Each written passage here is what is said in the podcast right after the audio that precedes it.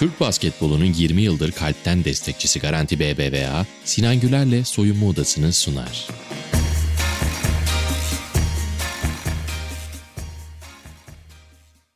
Türk basketboluna desteğini 20 yıldır devam ettiren Garanti BBVA'nın sunduğu soyunma odasına hoş geldiniz. Bu sezon Tokyo 2020 olimpiyatlarına hazırlanan sporcularla bir araya geliyoruz ve aslında bugünkü konuğumu anlatmak için ayrı bir bölüm açmak lazım. Bir tarafından aynı zamanda da senelerdir yakın olarak tanıma fırsatı bulduğumdan dolayı da bugünkü sohbet beni ayrı heyecanlandırıyor. Bugün bizimle beraber olan sporcumuz Naz Aydemir Akyol. Naz nasılsın? İyi Sinan sen nasılsın? Ben deyim. Çok teşekkürler. Yoğun kamp döneminiz başladı. Bir aydan az bir süre kaldı olimpiyatlara. Bu süreçte vakit ayırdığın için çok teşekkür ediyorum. Umarım her şey yolunda gidiyordur her şeyden önce. Her şey yolunda çok şükür. Hem evde hem de sahada herkes sağlıklı, herkesin keyfi yerinde. Antrenman yapmaya devam ediyoruz. Hazırlıklar son sürat devam ediyor. Süper. Kolay gelsin. Senin spor hayatını konuşmadan önce ilk güncel bir konudan bahsetmek istiyorum. Özellikle anne bir sporcu olarak bu konuyla alakalı kendi fikirlerini ve olimpiyatlar öncesi dolaşan fikirleri çok net bir şekilde belli ettiğim bir süreci takip etme fırsatı buldum. Anne olarak olimpiyatlara gitmek ve işte emziren sporcuların tepkilerini de biraz bahsettin. Bu süreçle alakalı hem biraz böyle bizi bilgilendirebilir misin hem de neler oluyor, ne düşünüyorsun sen ve bildiğim kadarıyla Pamir de Tokyo'ya gelemeyecek ama bu süreç sizi düzenden ne kadar dışarıya çekiyor? Şöyle başlamak lazım. Bu pandemi sebebiyle olimpiyatlar tamamen bubble formatında gerçekleşiyor ve yurt dışından hiçbir seyirci Japonya'ya kabul edilmeyecek. Sadece Japon seyircilere belli bir oranda tribünlerde yer ayrılacak. Onun dışında sporcular zaten olimpiyat köyünden dışarı çıkamayacaklar. Olimpiyat öncesi kısımda da biz Fukaya'da kısa süreli bir kamp yapma şansı elde edeceğiz. Orada da bubble'daymışız. Ben orada belki bubble'da değilizdir en azından bir iki tur atarız diye düşünüp umutlanıyordum ama yok orada da çıkma şansımız yokmuş dışarıya. Belirtilen ilk başta bize hiç kimsenin dışarıdan alınmayacağıydı. Yani çocuk, bebek, eş, dost, akraba kim olursa olsun. Ama bu geçtiğimiz iki hafta içinde bir tane Kanadalı basketbolcu iki ya da üç aylık bebeği yeni doğum yapmış. Hem antrenman yapıyor hem de emziriyor. Instagram'a bir video çekip koydu. Dedik yani ben bir olimpik atlet olmakla emziren bir anne olmak arasında seçim yapmak istemiyorum dedi. Ben ikisini de yapmak istiyorum dedi. Onun dışında bir tane daha Amerikalı bir atlet bir tane vakıf kurdu. Bu da Tokyo'da emziren annelerin sütlerinin en kısa sürede evde bıraktıkları bebeklerine ulaşabilmeleri için yapılabilecek şeyler ya da atlet annelerle ilgili gelecekte yapılabilecek projelerle ilgili bir vakıf kurdu. Çok değerli bir şey çünkü bu insanların sesini duyurmalarına çok büyük yardımcı oldu bu vakfın. Sonrasında da geçtiğimiz haftada Olimpiyat Komitesi ve Japon hükümeti emziren annelerin bebeklerini, çocuklarını Tokyo'ya getirebileceklerini açıklamasıyla son buldu. Benim açımdan sorarsan bu aslında çok büyük bir gelişme. Çünkü bu kadar büyük ve geniş bir pandeminin ortasında kimseyi almayacağız diye bu kadar zamandır bas bas bağırılırken en azından emziren annelerin bile çocuklarını yanında getirebilecek olmaları bence kazanılmış çok önemli ve büyük bir hak. Ama şunu da es geçmemek gerekir. Yani her anne çocuğunu emzirecek ya da emzirebilecek diye bir kural da yok. Yani iki aylık bir bebeği olup formül mamayla besleyip bebeğiyle yine orada yarışmak isteyen bir anne de olabilir. Yani tabii ki ebeveynlik çok önemli, babaların da rolü çok önemli ama anne ile çocuk arasında apayrı bir bağ oluyor genelde. E şimdi ben Tokyo'ya Pamir'i alamadan gideceğim. Pamir yanımda olmadan gideceğim. Bugüne kadar bütün uzun süreli turnuvalarda Pamir ve annem benim yanımdaydı. Cenk gelebildiği zamanlarda Cenk destek oluyordu. E bu da benim en azından kafamın evde kalmamasını ve daha rahat motive olabilmemi sağlıyordu. Fiziksel olarak daha çok yorulsam da yani bunu da es geçemeyeceğim. Çünkü fiziksel olarak çocuk özellikle bebekten daha büyük bir yorgunluk.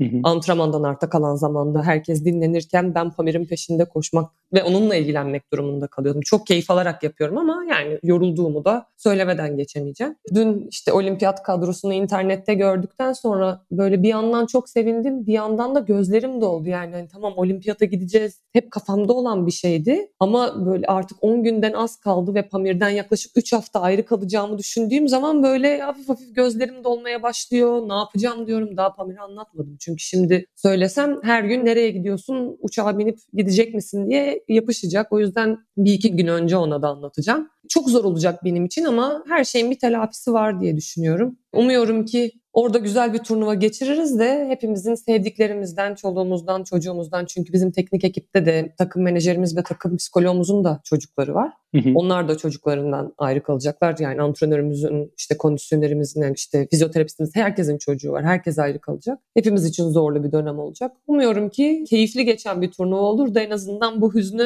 unutmuş oluruz diyeyim. Kesinlikle katılıyorum son kısmına. Umuyorum ki geri dönerken en azından mutlu şey olur. Pamir'den ilk defa bu kadar uzun ayrı kalacaksın değil mi? Evet. Yani en fazla 4 gün ayrı kalmıştık sezon içinde. Onun için de zorlayıcı olacak, benim için de zorlayıcı olacak ama o kendi düzeninde evde kalıp okula gitmeye devam edecek. Yani düzeni mümkün olduğunca bozmamaya çalışacağız ki o da daha farklı bir şeye adapte olmakla da uğraşmasın. Hem annenin yokluğu hem düzenin değişmesi zorlamasın. Kesinlikle bir de şey düşündüm şimdi. Bir tarafından Yasemin'in şu an annesiyle olan ilişkisini düşündüğüm noktada tahmin edebiliyorum o ayrı kalmanın senin için ne kadar zor olduğunu ve çocuğun için ne kadar zor olduğunu. Bir tarafından da şimdi emziren anneler çocuklarını getirebiliyorlar. İşte müsabakası var bunun, antrenmanı var. O süreç içerisinde çocuk ne yapacak? Tek başına mı kalacak? Yanlarında bir yardımcı. Ben onu sordum bizim olimpiyat komitesine, Türkiye Milli Olimpiyat Komitesi'ne. İşte doktor raporuyla bir tek emzirilen bebekler gelebilecek dedi. Daha detaylı bilgi sordum ama merak ettiğim için sordum nasıl olacak diye. Yani sonuçta ben Pamir'i emzirmeyi 6 ay önce sonlandırdım. 2 yaşına kadar Hı. Pamir'i emzirdim ve ben Pamir'i de götürüyor olabilirdim. Nasıl olacak? Yani yanında bir refakatçi gelebilecek mi? Çünkü köye alacaklarını zannetmiyorum refakatçiyle bebeği. Zaten yeterince atlet var orada. Aynen. Yerde yok. E bir otel odasında kalacaklarsa o insanlar da zaten bubble'da olacaklar. Burunlarını bile dışarı çıkaramayacaklar atlet transportation'ını sağlayıp oraya gidecek, oradan tekrar gelecek antrenman yani çok zorlayıcı bir şey aslında. Gerçekten umuyorum kolay bir yöntem bulurlar o konu için. Yani bir de refakatçi lazım diye düşünüyorum. Ne yapacak yani 3 aylık bebeği odada bırakıp gidip Odada bırakıp yani kalacağını olacak? düşünüyorlarsa komik bir şey olur. Düşünmüşlerdir diye düşünüyorum. Buna izin çıktıktan sonra yani bu ufak bir detay yani onu muhakkak düşünmüşlerdir. Evet. Şimdi senin spora başlayışını çok konuşmanın doğru olduğunu düşünmüyorum. Yani anne de baba da voleybolcu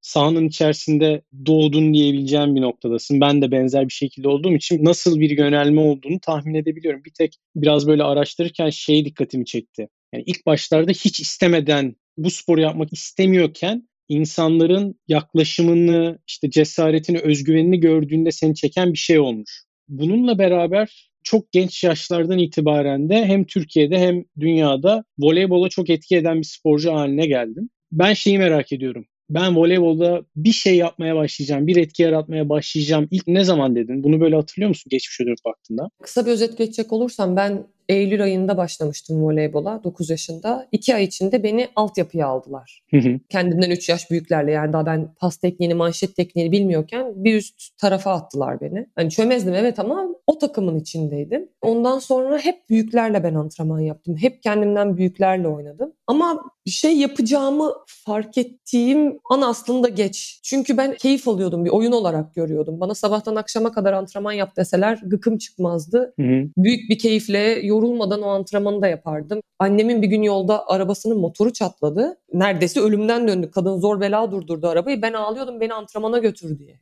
Öyle bir ruh halindeydim küçükken.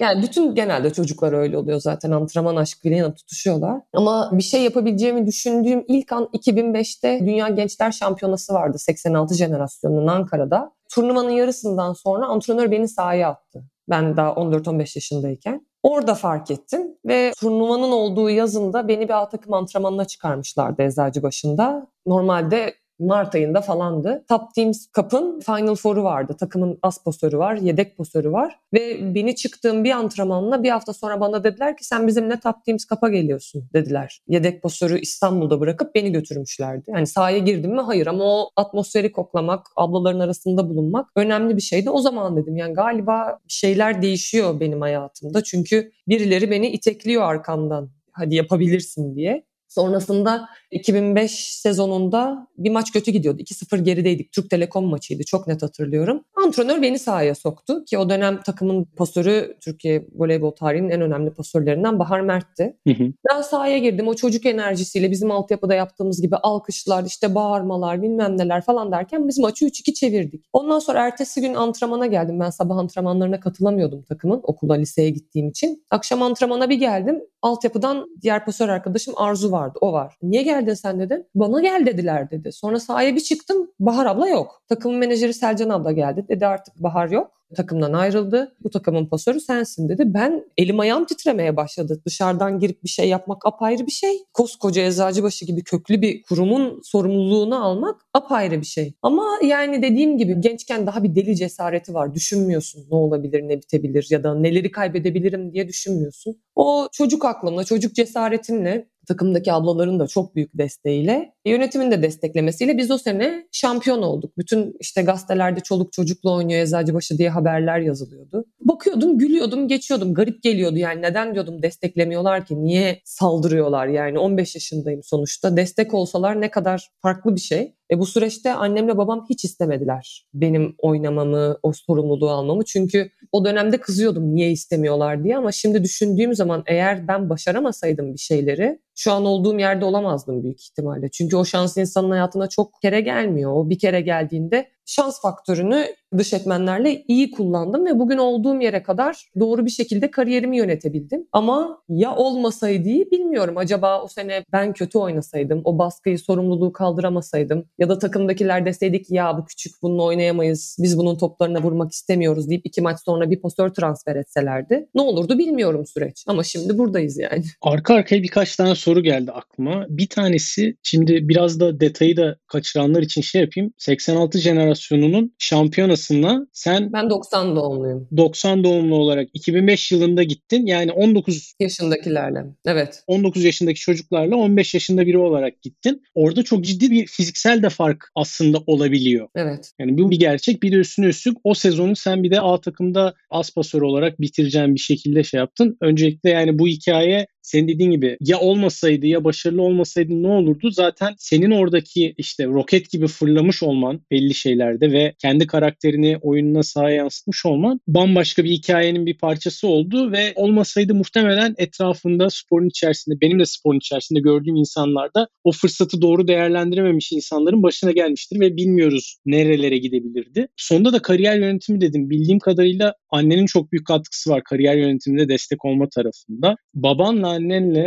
spor ne kadar konuşuyordunuz? Özellikle çocukluğunuzda diyeceğim biraz etkisi olmuş çünkü istemedikleri belirli noktalar olduğunu ama onların senin oyununa ne kadar müdahalesi oluyordu konuyu geliştirirken? Ya annem altyapıdayken hiç konuşmazdı. Hatta yani ben 25-26 yaşına gelene kadar annem maçtan sonra ben bir şey söylemezsem hayatta voleybolla ilgili bir yorum yapmaz, bir şey demez. Sadece aa gördüm mü şu haberi okudum bunu yaptım diye konuşurdu. Babam teknik anlamda sürekli konuşurdu çocukluğumdan beri. Hatta çok kavga ederdik. Hala ediyoruz. Ama hani o da öğrendi belli çaptaki şeyleri nasıl söylemesi gerektiğini ya da ne yapması gerektiğini. Çünkü şu an oynanan voleybol onların devrinde oynanan voleybol değil bazen onların oynadığı dönemle kıyaslıyorlar ya da o mentaliteyle bazı hataları söylüyorlar ama artık oyun o kadar hızlandı ki o kadar fazla düşünme şansı ya da bir şeyleri düzeltmek için sahada o kadar büyük fırsatın olmuyor. Hı hı. Ama iyi ki ikisi de bu sporun içinden gelen insanlarmış ki ben farkında olmadan çok büyük katkıları oldu aslında bana. Altyapıda her ne kadar benim Mehmet Bedestenli oldu. Altyapıdaki beni yetiştiren en iyi antrenörlerimden biridir. Alper Erdoğuş, Gonca Dilik bir sürü isim var yanına sayabileceğim ama annemin de zamanında oynarken antrenörlüğünü yapmış. Hı hı. Bana ev takımda gene mesela 88 jenerasyonunda ben oynadığım zaman ya Naz'ın annesinin de antrenörüydü, arkadaşı işte torpilli Naz diye şeyler de çok döndü. Bunun ben çok dezavantajını da yaşadım. Avantajını yaşadığım şekliyle. Ama yani sonuçta bir yerde bir şeyleri kotarabiliyorsan istersen torpilli ol istersen olma yapamıyorsan çıkıyorsun sahanın dışına. Yani bir yere kadar varsa o torpil seni götürüyor ya da götürürdü. Ama bugüne kadar hep doğru akıllar aldım onlardan. Yani babam daha mantıklıdır anneme göre. Annem daha kalptir. Hı hı. O yüzden hep fikirlerini dinlerim. Kendim son karar veririm ama muhakkak danışırım bir karar almadan önce babanla olan kavgaları içerisinde böyle kafana yansıyan böyle ilk aklına gelen bir şey var mı böyle? Var var. Blokta sağ elini içeri çevir diye mesela bin kere söyle. İşte senin blok tekniğin yanlış diyor. Düzeltmiyorsun, uğraşmıyorsun. Ya diyorum tamam böyle gelmiş kaç yıldır yapıyorum, iyi de yapıyorum. Yani niye değiştireyim? Değiştir, çift sıçrıyorsun. Öyle olmaz diyor işte. Yok serviste topun sibobuna vur daha hızlı uçar diyor falan. Hani bin tane şey sayarım sana burada. o yüzden başlamayayım anne babanın sporcu olmasının dezavantajlarından bahsettin. Avantajlı olduğunu da şey yaptın. Gene ortak bir paydada buluştuğumuz bir konu bu. Çünkü sen bazen hissediyorsun da insanların böyle düşünüyormuş gibi böyle kendine yargı bağlamaya başlıyorsun. İnsanlar sana böyle yaklaşıyor. Bu mükemmelliyetçilik geliyor. Aynen. Hem zaten mükemmeli kendinden beklemeye başlıyorsun hem de insanlar zaten torpilli diye düşünüyor. O yüzden böyle davranıyorlar sana gibi bir düşünce şey yapıyor. Tahminimce farklı bir şey varsa lütfen söyle ama tahminimce senin oyuna olan sevgin ve yani antrenman yapmıyorsun sen oynuyorsun düşüncesi bunları kırmana bayağı yardımcı oldu sana. Evet yani anda kalarak sahada hiçbir şey girmiyordu benim aklıma. Yani bunlar evet saha dışında oluyordu ama yani o dönem antrenörlerimizin hep söylediği şey dışarıdaki kıyafetini askıya as, antrenman kıyafetinin üstündeyken başka bir şey düşünmeyeceksin diye. Ama şu anda da aynı şey geçerli benim için. Sahaya girdiğim an saha dışındaki bir şeyi düşünmeye fırsat kalmıyor ki yani saha meditasyon gibi geliyor bana. O yüzden hı hı. keyif alıyoruz. Bu kadar işte anda, zonda kalabiliyorsun. Bunlar önemli şeyler. Eğer başka şeyler beynini kuracak kurcalamaya başlarsa bir yerden sonra zaten ipin ucu kaçıyor. Yani konsantrasyonunu kaybediyorsun, performansın düşmeye başlıyor. Bir şekilde o mental gücü hem bulmaya, bulmuşken de korumaya uğraşıyorsun. Tabii ki dönem dönem zorlandığın şeyleri de yaşıyorsun. Zorlandığın anlar da oluyor ama ben bazen şikayet ediyorum hep takım psikoloğumuza. Niye böyle saha dışında oluşan zor şeyler hep benim başıma geliyormuş gibi geliyor. Yani onlara rağmen sahada konsantre olmaya çalışmak çok zor. Ama her şey bir şey öğretiyor insana. Yani her aşağı inişten sonra biliyorsun ki tekrar yukarı çıkacaksın. Onun inancıyla sahada kalmaya devam ediyorsun. Aklını sahada tutarak. Çok ilginç bir yere bağladım burada. Özellikle takım psikoloğuyla olan sohbetinizle beraber. Oyunun mental tarafı da çok sık şekilde konuşulmaya başlandığı bir dönemde yaşıyoruz artık ve belki de bundan 5 sene önce hani saha dışındaki zihinsel olarak seni yoran şeylerin saha içine yansıtmamak için her şeyi çabalarken etrafındaki antrenörler, yöneticiler vesaire de bunları bloklamak için bayağı baskı uyguluyor gibi düşünüyorum ki etrafımızda bunun etkilerini çok ciddi şekilde yaşamış insanlar var. İsim vermeme gerek yok diye düşünüyorum. Sen de ben de anlamışızdır diye düşünerek bu mental mücadeleyi özellikle bu kadar şeyi materyal bir şekilde başarmışken verirken sana güç veren en önemli şey bugün ne?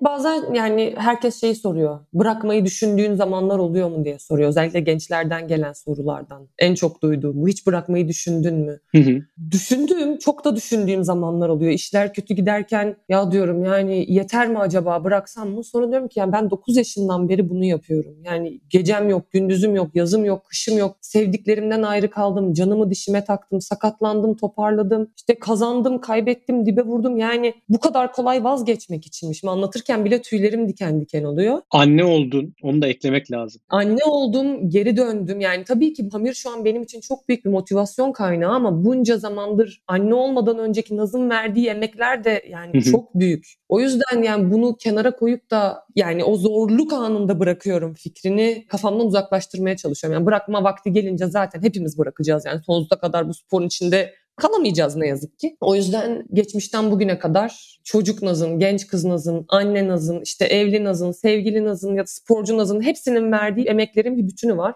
Ve onlara ihanet etmek istemiyorum açıkçası. Benim en büyük motivasyon kaynağım bu. O gençleri sorduğu soru bana şeyi hatırlattı. Özellikle Fenerbahçe'de oynarken Ergi vardı. Orman Spor'da oynuyor şimdi. O bana soruyordu abi bırakmayı düşünüyor musun? Yani böyle buradan uzaklaşmayı neye göre düşünüyorsun diye. Muhtemelen işte aslına bakarsan her günün bir mücadelesi o ve sahayla alakalı söylediğin şeye bağlayacağım biraz da. Yani ben de mesela yani özellikle sezon içerisinde o inişler çıkışların içerisinde bırakmayı düşünüyorum. Bugün bile düşünüyorum yani bugünkü sezonumuz başladığında bile. Ama sonra sahanın içerisine giriyorsun ve o büyünün içerisine girdiğinde bir anda her şeyi unutuyorsun. Bugün belki sana da tatmin veriyordur. Ben kendimden 10 yaş, 15 yaş küçük çocuklarla mücadele edip onlarla o rekabete girdiğimde acayip haz duyuyorum. Yani onlara bir şey öğretmek başka. Yani rekabet evet. Yani ben hani rekabet apayrı bir şey öğretebilmek, bir şey katabilmek ya da zorlandıkları anlarda engelin önüne onlara bir merdiven koyup da onların o engelin üstünden atlamalarını sağlayabilecek şeyleri onlara vermek çok önemli. Yüzde yüz ve şey gibi geliyor aslında o engeli anlatırken bile yani o engelden belki de bugünün gençleri daha kolay vazgeçebilecekleri bir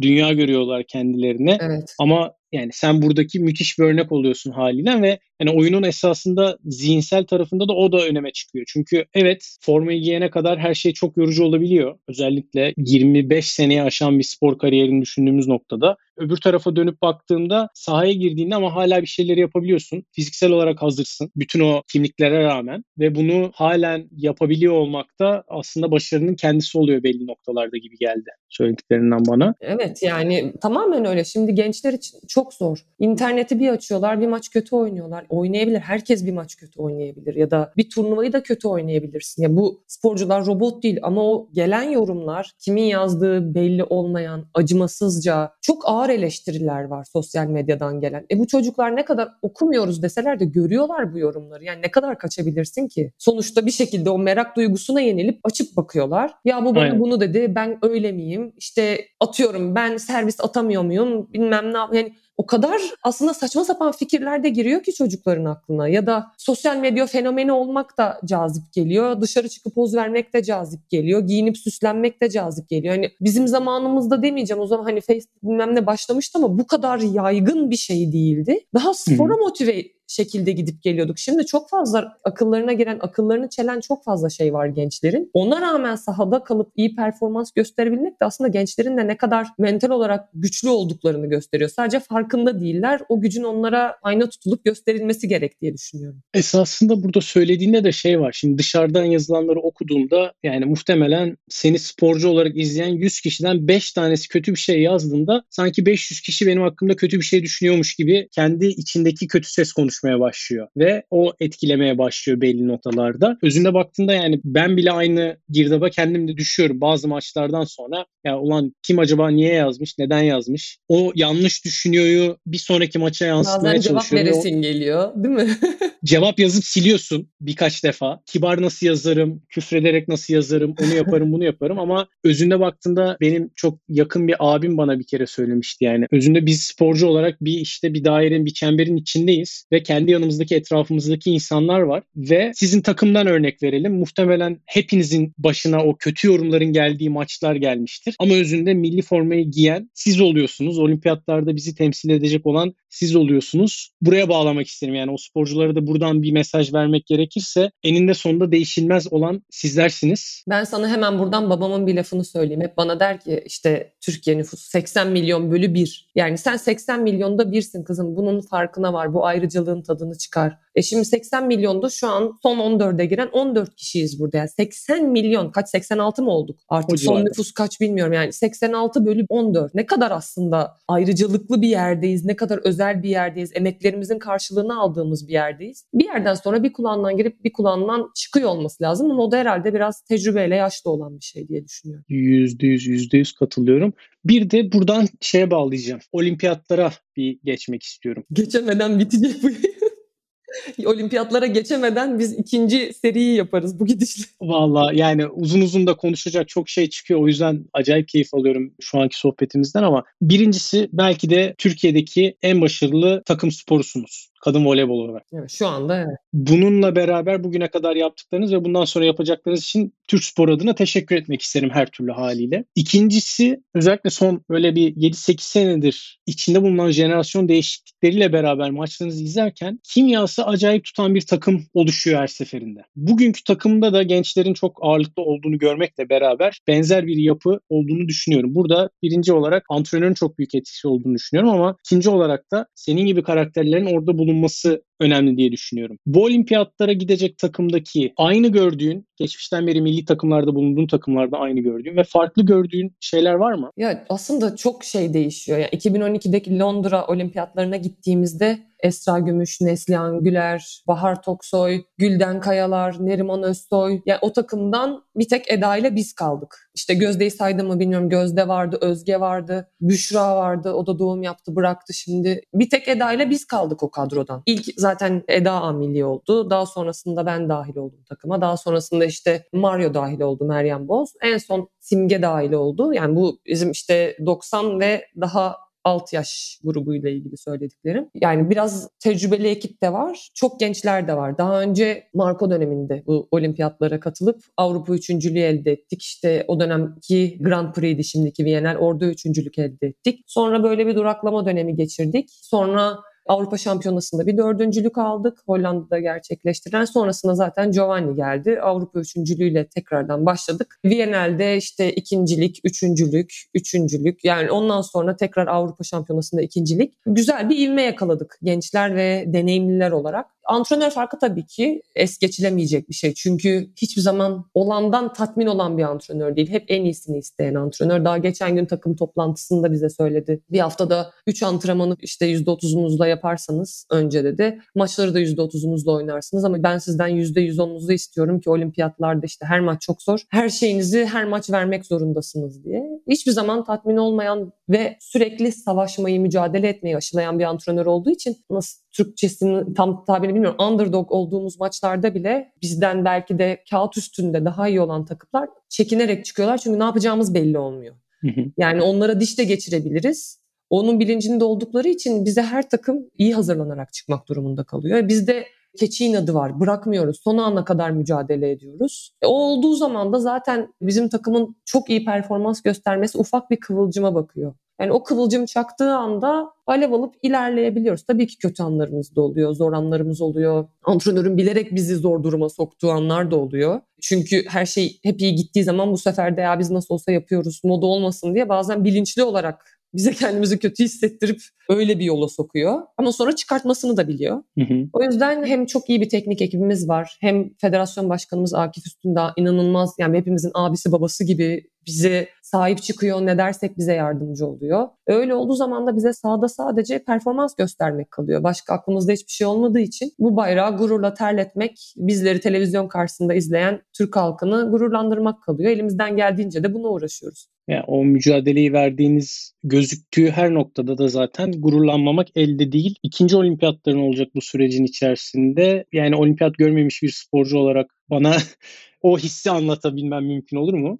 Yani Londra'da böyle Alice Harikalar Diyarı'nda gibiydik. Bir de hem Londra çok güzeldi. İşte köye girip çıkabiliyorduk. Cenk gelmişti, annem gelmişti. Hepsinin tribünde göz göze gelebiliyordum. Onlar benim için çok ayrıydı. Şimdi Tokyo apayrı bir deneyim olacak diye düşünüyorum. Hı hı. Orada acaba Phelps'i görür müyüz? İşte Dream Team geldi. Koşalım rahmetli Kobe ile fotoğrafım var. Lebron'la açılış seremonisinde fotoğrafımız var. Böyle hepimiz televizyondan görüp hayran olduğumuz oyunculuklarına işte karakterlerine sporcularla resim çektirme yarışına girmiştik resmen. Ya orada bir de çok büyük bir şans kaçırdık. Çeyrek final şansını çok kıl payı farkla kaçırdık. Hı hı. Buruk döndük ama olimpiyatlardaydık hissiyatı vardı. Şimdi geri dönüp baktığım zaman diyorum ki ya hakikaten büyük bir şey de elimizden kaçmış orada. Belki kendimizi bir setle iki setle yukarı atabilseydik apayrı bir şey de olabilirmiş. Şimdi orada kaçırdıklarımızı da bildiğim için burada çok daha farklı bir mentalitede gidiyorum açıkçası. Daha oyun odaklı, dışarıda olup bitenle çok etkilenmeden zaten çok da etkilenmeye fırsatımız kalacağını düşünmüyorum. Çünkü oradan oraya oradan oraya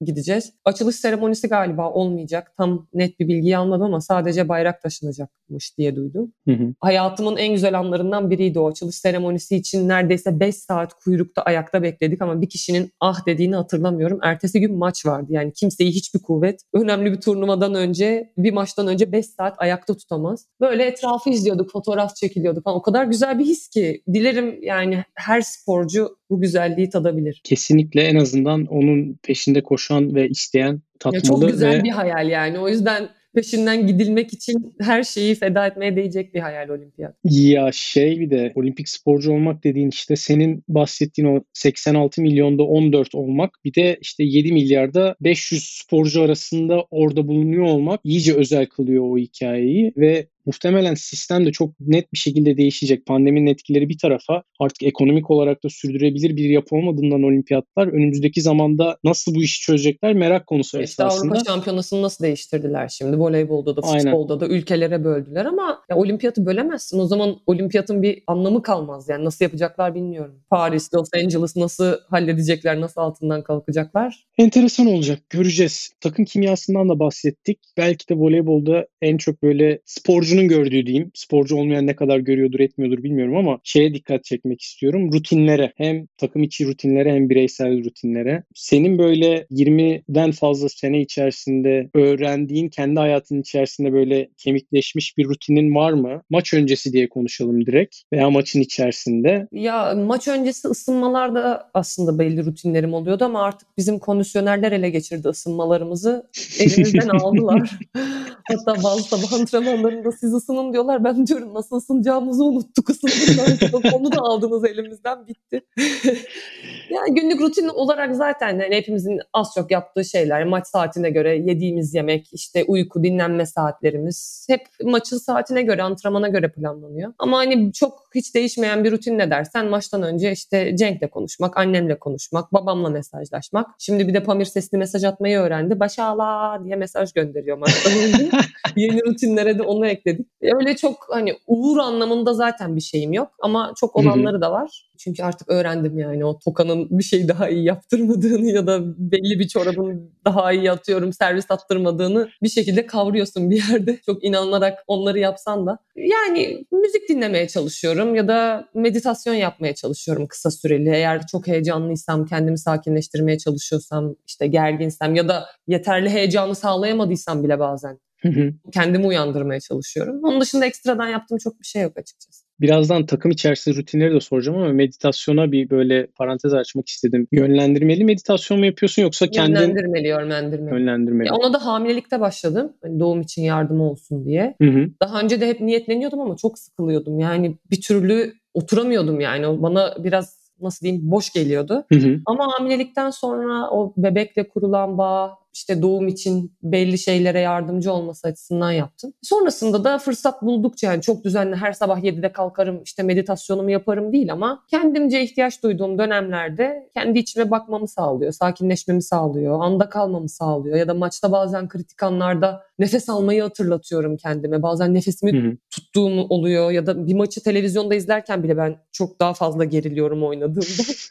O yüzden faydasını görüyorum açıkçası ama bu son dönemde mindfulness, işte meditasyon bu tarz şeylere özellikle bireysel sporcuların ilgisi ve farkındalığı arttı. Çünkü göz önünde olan atletler bunlardan bahsetmeye başladı. O zaman da diğer insanların da farkındalığı artıp ya neymiş bu deyip denemeye başlıyorlar. Evet özellikle Osaka herhalde bu o, mental yorgunluğun evet. hikayesini. Ya ben hak en... bazen kızın söylediklerini. Herkes çok kızdı onu basın toplantılarına katılmak istemiyorum demesiyle ama düşündüğüm zaman hak verdiğim çok yanı da var yani. içinde neler yaşadı da bu kadar tepki getirebilecek bir kararı açıkladı. O bile bence onun için çok zor olmalı. Ya orada şey var gibi geliyor. Şimdi bizim büyüdüğümüz dönemi düşündüğümde teknolojinin olmadığı bir dönemde başlayıp ufak tefek oldu. İnternetin olmadığı bir dönemden başlayıp şu anda internetin hayatımızın her noktasında olduğu bir dönemdeyiz ve her şeyi görüyoruz. Her şeyi duyuyoruz ve duyduğumuz şeylerin %90'ı gürültü gibi bir şey neredeyse. Ve biz başarıyla da başarısızlıkla da nasıl mücadele edeceğimizi az çok dış etkenler olmadan öğrendik diye düşünüyorum evet, bir tarafından. Şanslıydık. Şanslı olduğumuz bir dönemdi o. Şimdi Osaka'nın bir buçuk sene önceden bugüne geldiği noktayı düşündüğümde inanılmaz bir böyle nükleer bomba patlamış gibi bir etki yaratıyor ve ulaştığı şeyler de o boyutlarda. Kadın Serena Williams'ı yeniyor. İşte ama kadının yenmesi değil Serena Williams'ın yaptığı hareket olay oluyor. Yani değişik bir süreç. Süreç olarak çok zor ve yani ben neden problem yaşadığını tahmin etmekle beraber tamamen gelen tepkilerin o normların dışında hareket etmeye çabalamak olduğundan dolayı olduğunu düşünüyorum. Çünkü eğer zaten turnuvaya devam etse muhtemelen turnuvadan atılacak, ihraç edilecek. Bir de diğer açıkların turnuvalarına katılma hakkı da alınacak gibi bir süreç de olacaktı. Ama yani özellikle farkındalık ve anda kalmak sporcunun farkında olmadan içinde yetişen bir şey ve belli noktalardan sonra da unuttuğu bir şey gibi geliyor. O yüzden mühim bir konu bu her türlü şekliyle. Bir de burada tabii takım rutinleri ve takımın farkındalığı da önemli bir hale geliyor. Takım olarak şu an bugünkü milli takım 14 kişilik kadroda maça çıkarken birbirinizi ana odaklayacak bir şeyiniz var mı? Bir böyle birlikte hareket ettiğiniz? Müzik çalıyoruz genelde. Hoparlörümüz var. DJ'miz Hande, Hande Baladın. Genelde o müzikleri açıyor. Aynı müzikleri çalıyor. Ama anda kalmakla ilgili takım olarak başımızdan geçen çok güzel bir olay var. Bizim olimpiyat elemelerinde yarı finalde o bitmeyen dördüncü sette artık işler o kadar gerilmeye başlamıştı ki ortaya geldik. Eda dedi ki kızlar nefes alın dedi. Böyle hepimiz diye nefes verdik. Sonra her molada böyle hem biraz uğur gibi oldu hem de aslında hepimizi rahatlatan bir şey oldu. Ya belki şansla belki planlıydı bilmiyorum onu konuşmadım. Hani Eda'dan da bilmiyorum ne düşünerek söylediğini ama herhalde ağzından çıktı. Bazen oluyor çünkü. Ama doğru şeydi. Sonra belli sayılarda unuttuğunu da ben söylüyordum. Eda nefes al de nefes al. Hani orada güya uğur yapmıyorum diyorum ama bir yandan da beyin uğur yapmaya gidiyor. E, orada aslında çok faydasını gördük. Çok ilginçti yani. Hepimiz ortada kenetlenip nefes alıp nefes verip birimizin servis atmak için yerine gitmesiyle, diğerlerinin alanlarına dağılmasıyla oluşan güzel bir anıydı takım olarak bizim için, ritüeldi. Hande'nin çaldığı müziklerde en çok duyduğun şarkı ne şu anda? Türkiye Top Hits. İşte 50 şarkıda ne varsa yani Bazılarını ben normal hayatımda hiç duymadım, bilmiyorum. Bazı şarkıcıları tanımıyorum bile kim olduklarını. Milli takıma gelince öğreniyorum onların playlistinden. Bana kalsa ben işte Madrigal dinliyorum, Kaan Boşnak dinliyorum. Maç öncesi değil ama tanımadığım bir sürü yeni isim var. Hepsini öğrenmiş oluyorum. Hı-hı. Bütün şarkı dağarcığım gelişiyor, rap dağarcığım gelişiyor, R&B dağarcığım gelişiyor. Kendisine teşekkürü borç bilirim burada. Peki senin bugün bu dönem içerisinde seni maça motive eden ve kulağında her türlü olmasını duymak isteyeceğin bir şarkı var mı? Onu da biz listemize ekleyelim dinleyicilerle paylaşırken. Her maç dinlemem ama kendimi ateşlemek istediğimde dinlediğim şarkı Pump It. Şey Pump It, Black Eyed Peas. Evet evet. Daha yeni bir şey beklerdim diyeceğim bir taraftan ama değişmiyor. Eski kafalıyım ben de. yani o kaç senesinde çıktı bilmiyorum ama ben o ilk neredeyse A takıma çıktığım dönemden beri dinlediğim ve beni ateşleyen yani içimde bir şeyleri uyandıran bir şarkı o. Niye bilmiyorum. Ya çok enteresan bir hatıra kafama geldi bir anda. Cenk'le de beraber oynadığımız sezonda hatta şampiyon olduğumuz, Efes'te şampiyon olduğumuz sene biz her iç saha maçında Kanye West'in Amazing şarkısını çalardık. Hatırlıyorum şeyleri. Ve yani manyak gibi dinliyorduk. Şimdi arada böyle kulağıma geldiğimde yani normalde hafızama gelmeyecek böyle maç anları falan gelmeye başladığı oluyor. O yüzden hani eski bir şarkıdan gelmesi güzel hoşuma gitti bayağı şey olarak. Flashback geriye götürüyor insanı. Aynen. Sen. Bir de şeye götürüyor belki de yani senin oyun olarak bakabildiğin zamanları. Şu anda oyun olarak bakıyorsun ama belli dış etkenler elbette vardır yani. Yaşanmışlığın ve tecrübenin getirdiği haller. Ya o hissi geri yaratıyor aslında evet. sende. Yani o yenilmez hissini, işte o anda kalma hissini, işte zondayken ki her şeyi o kadar rahat yapabilme hissini onu uyandırıyor aslında insanda. Aslında şarkıyı da düşündüğümde biraz kulağımda şu an böyle çalıyor. Biraz da böyle dans edip her şeyi bırakmaya da sağlıyor ya. O evet. zaman da ana daha da yaklaştırıyor. Rutinleri de konuştuk, müziği de konuştuk. Bir kitap yazdım. Evet. Şimdi ikincisi çıkacak inşallah. ne zaman çıkıyor ikincisi? Yani hazır ama yaşanılan bu ekonomik süreçte kağıt fiyatları o kadar arttığı için Hı. neredeyse 3 yıldır bekliyor. Bir de karakterde biraz revizeye gideceğiz. Çünkü çizgi film olmasına dair bir projemiz var. Hı hı. Biraz daha çizgi filmleştirilebilecek bir Naz karakteri olsun onun üstünden ilerleyelim diye konuştuk. Şimdi artık herhalde önümüzdeki sonbaharda erge çıkmış olur. Çünkü karakterin tasarım şeyi başladı. Çizerlerle falan görüşüyorduk. Şimdi artık yavaş yavaş son düzlüğe yaklaşıyoruz. Çok heyecan verici bu. Gerçekten şu an böyle çizgi film falan düşündüğümde kendi çocuğumun izleme ihtimali Ne bile... kadar güzel bir şey düşünsene. Ben yazarken kitabı Pamir yoktu ortalıkta. Şimdi kitap elindeyken bu annenin Hı-hı. kitabı diyor. Çok değişik bir his. Ya, düşünemiyorum bile. İlk böyle kitabı yazmaya karar verdiğinde aklına neler geçiyordu? Şu yani her şeyin başında benim kafamda bu beni Japon çizgi film karakterlerine benzettikleri için hep diyordum ki ya böyle bir hem çocukların sahada görebileceği hem de çizgi film olarak izleyebilecekleri bir sporcunun çizgi filmini yapalım. Fikriyle çıktık aslında yola. Ama yani o maliyetleri falan duyunca dedik ki yani o sponsor büyük bir sponsor desteği olmadan bir çizgi film yaratmak çok kolay Hı-hı. değil. O dönemde de belli bir sponsor desteği bulamadığımız için dedim ki yani hani bir kitap yazalım bunu kitaba döndürelim. Sonrasında da çizgi film olmak isterse bir marka destek olmak isterse rahat rahat çizgi film haline döndürülebilecek bir projemiz olsun. Hem benim spora başlama hikayem biraz hikayeleştirilsin, biraz dışarıdan etmenler katılsın. İşte Moka'yı katalım, çocukların ilgisini çeksin, bir köpek de olsun kitapta. Derken derken hem de çocuklar kitap okusun istedik aslında. Bir şekilde Güneydoğu'daki imkanı olmayan bir çocuğun bile eline bir sosyal sorumluluk projesiyle ulaşabilecek olan bir kitap. Belki o çocuğun içindeki spor aşkını uyandıracak. Belki voleybol nedir bilmeyen bir çocuk ya neymiş diye bakacak bir gün televizyonda maçı görecek, izleyecek. Yani bu şimdi handbolcu Merve'ydi galiba. Hı hı. Bir tane küçük kızımızın adı ne kadar önemli bir şey aslında. Bir kız çocuğu bayrak isim olarak kendi olduğu yerden hiçbir şey kulak kulak asmadan, kimseyi dinlemeden bir şeyler başarmaya çalışıyor. Kaç tane çocuğu, kız çocuğunu özellikle kurtarabilirsek sporla, onlara yeni bir dünya görüşü sağlayarak, vizyon sağlayarak, ufuklarını genişleterek bir çocuğa dokunabilirsek kar kardır diye düşünerek çıktık aslında yola. Çok fazla da çocuğa ulaştık. Federasyonun da desteğiyle onların fabrika voleybol, mini voleybol kitleriyle beraber de çok çocuğa ulaştık. Onlara gönderdik. Bir de ülke olarak nasıl diyeyim çok spor kültürü olan bir ülke değiliz açıkçası. Şimdi Avrupa'ya gittiğinde herkes sabahları elinde köpeğiyle parklarda koşuyor ya da spor yaparken, karın sırt çalışırken çimlerde, parklarda bir sürü insan görüyorsun. Bizde genelde bu görüntülere çok rastlamak mümkün olmuyor belli başlı semtler dışında. E bunu yetişkinler ya da maça geldiklerinde sporcuları yuhlayıp işte deşarj olmak için küfürler savurup giden taraftarlar da var. Yani bu spor kültürünü oluşturmak için çocuklardan başlamalıyızı düşündüm.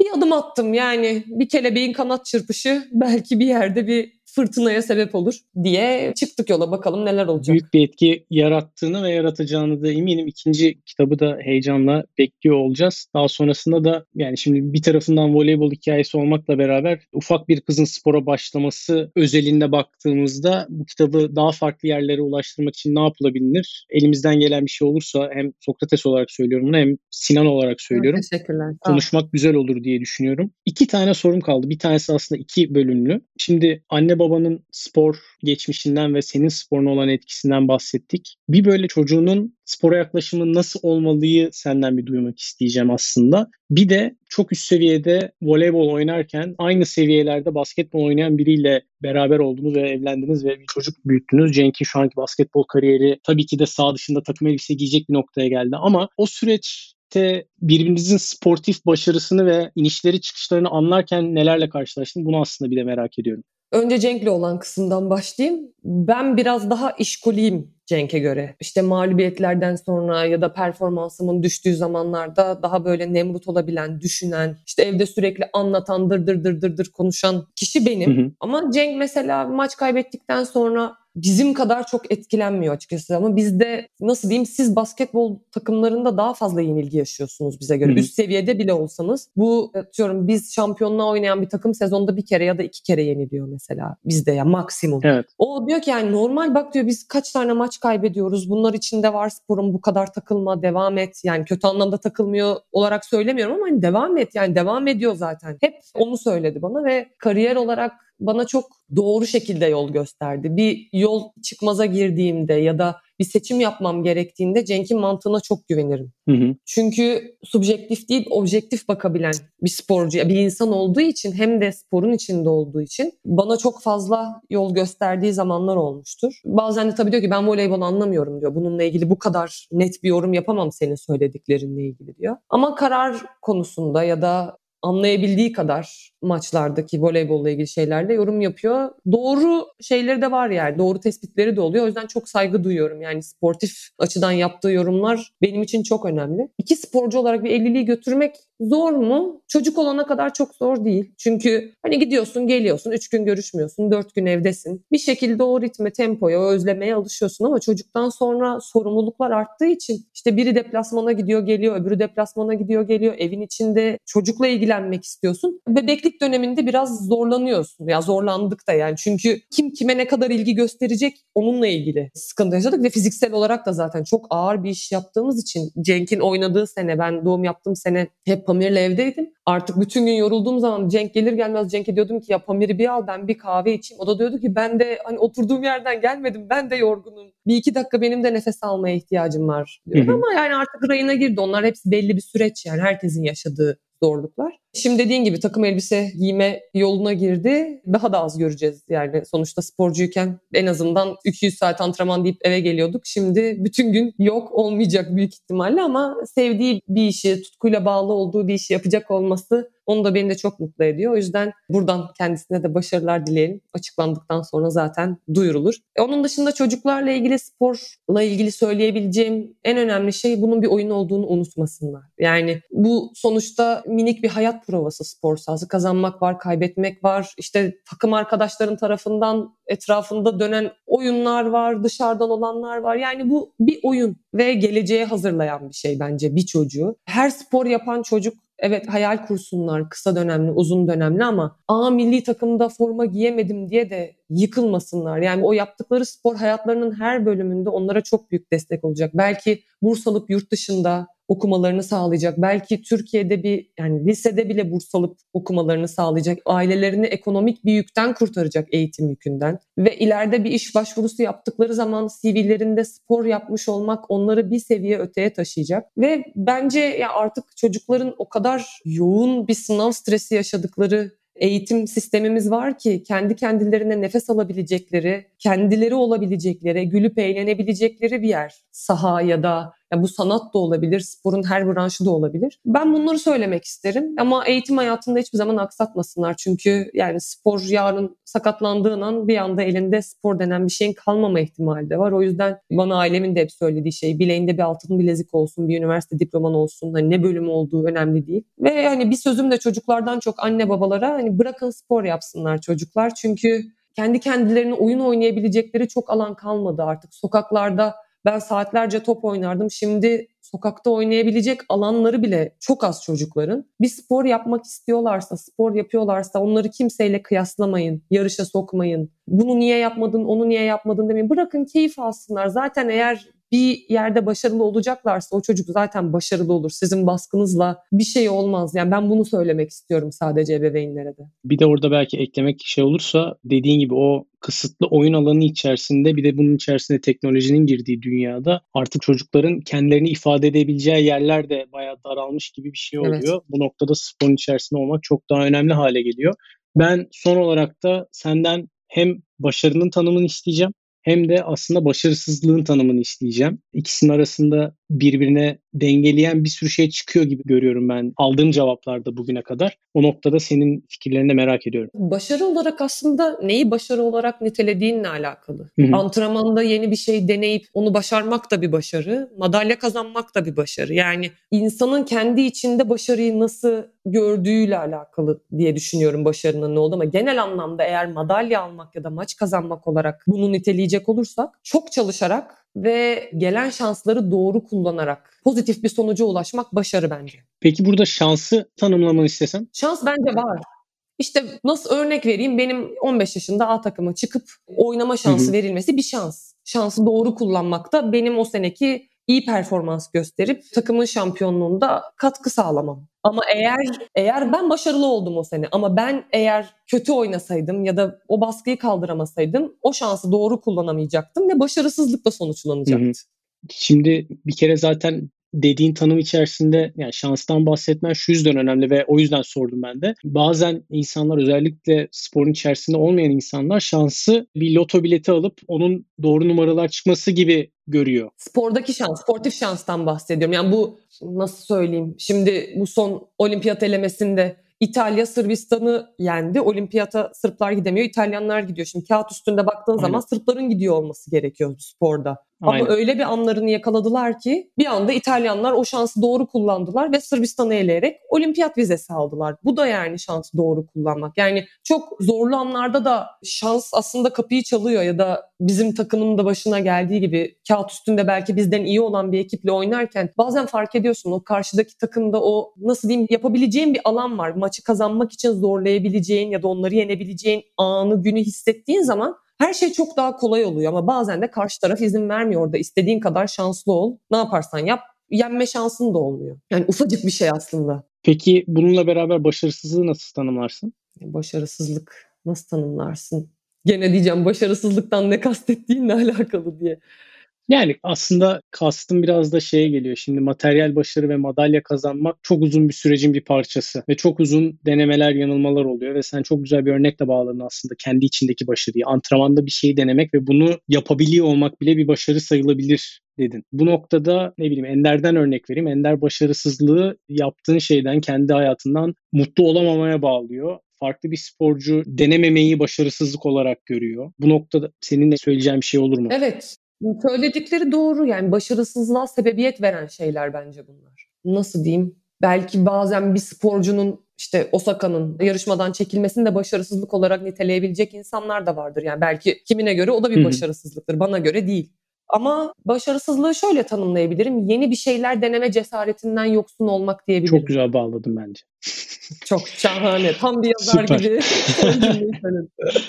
Naz sana da takımına da başarılar Tokyo'da. Çok teşekkür Heyecanla ederiz. ve keyifle izliyor olacağız. Bugüne kadar yaptıkların için ve bundan sonra yaptıkların için Türk Spor adına teşekkür ederiz. Ve yoğun kamp programının içerisinde uygun zaman bulabildiğimiz için de ben çok mutluyum ve çok teşekkür ediyorum.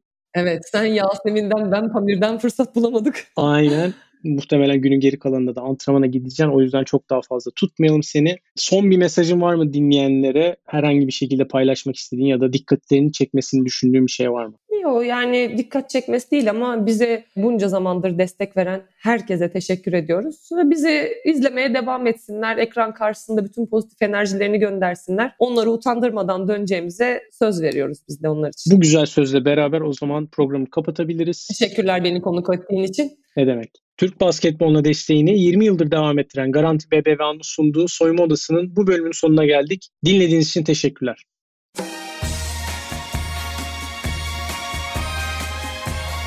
Türk basketbolunun 20 yıldır kalpten destekçisi Garanti BBVA, Sinan Güler'le soyunma odasını sundu.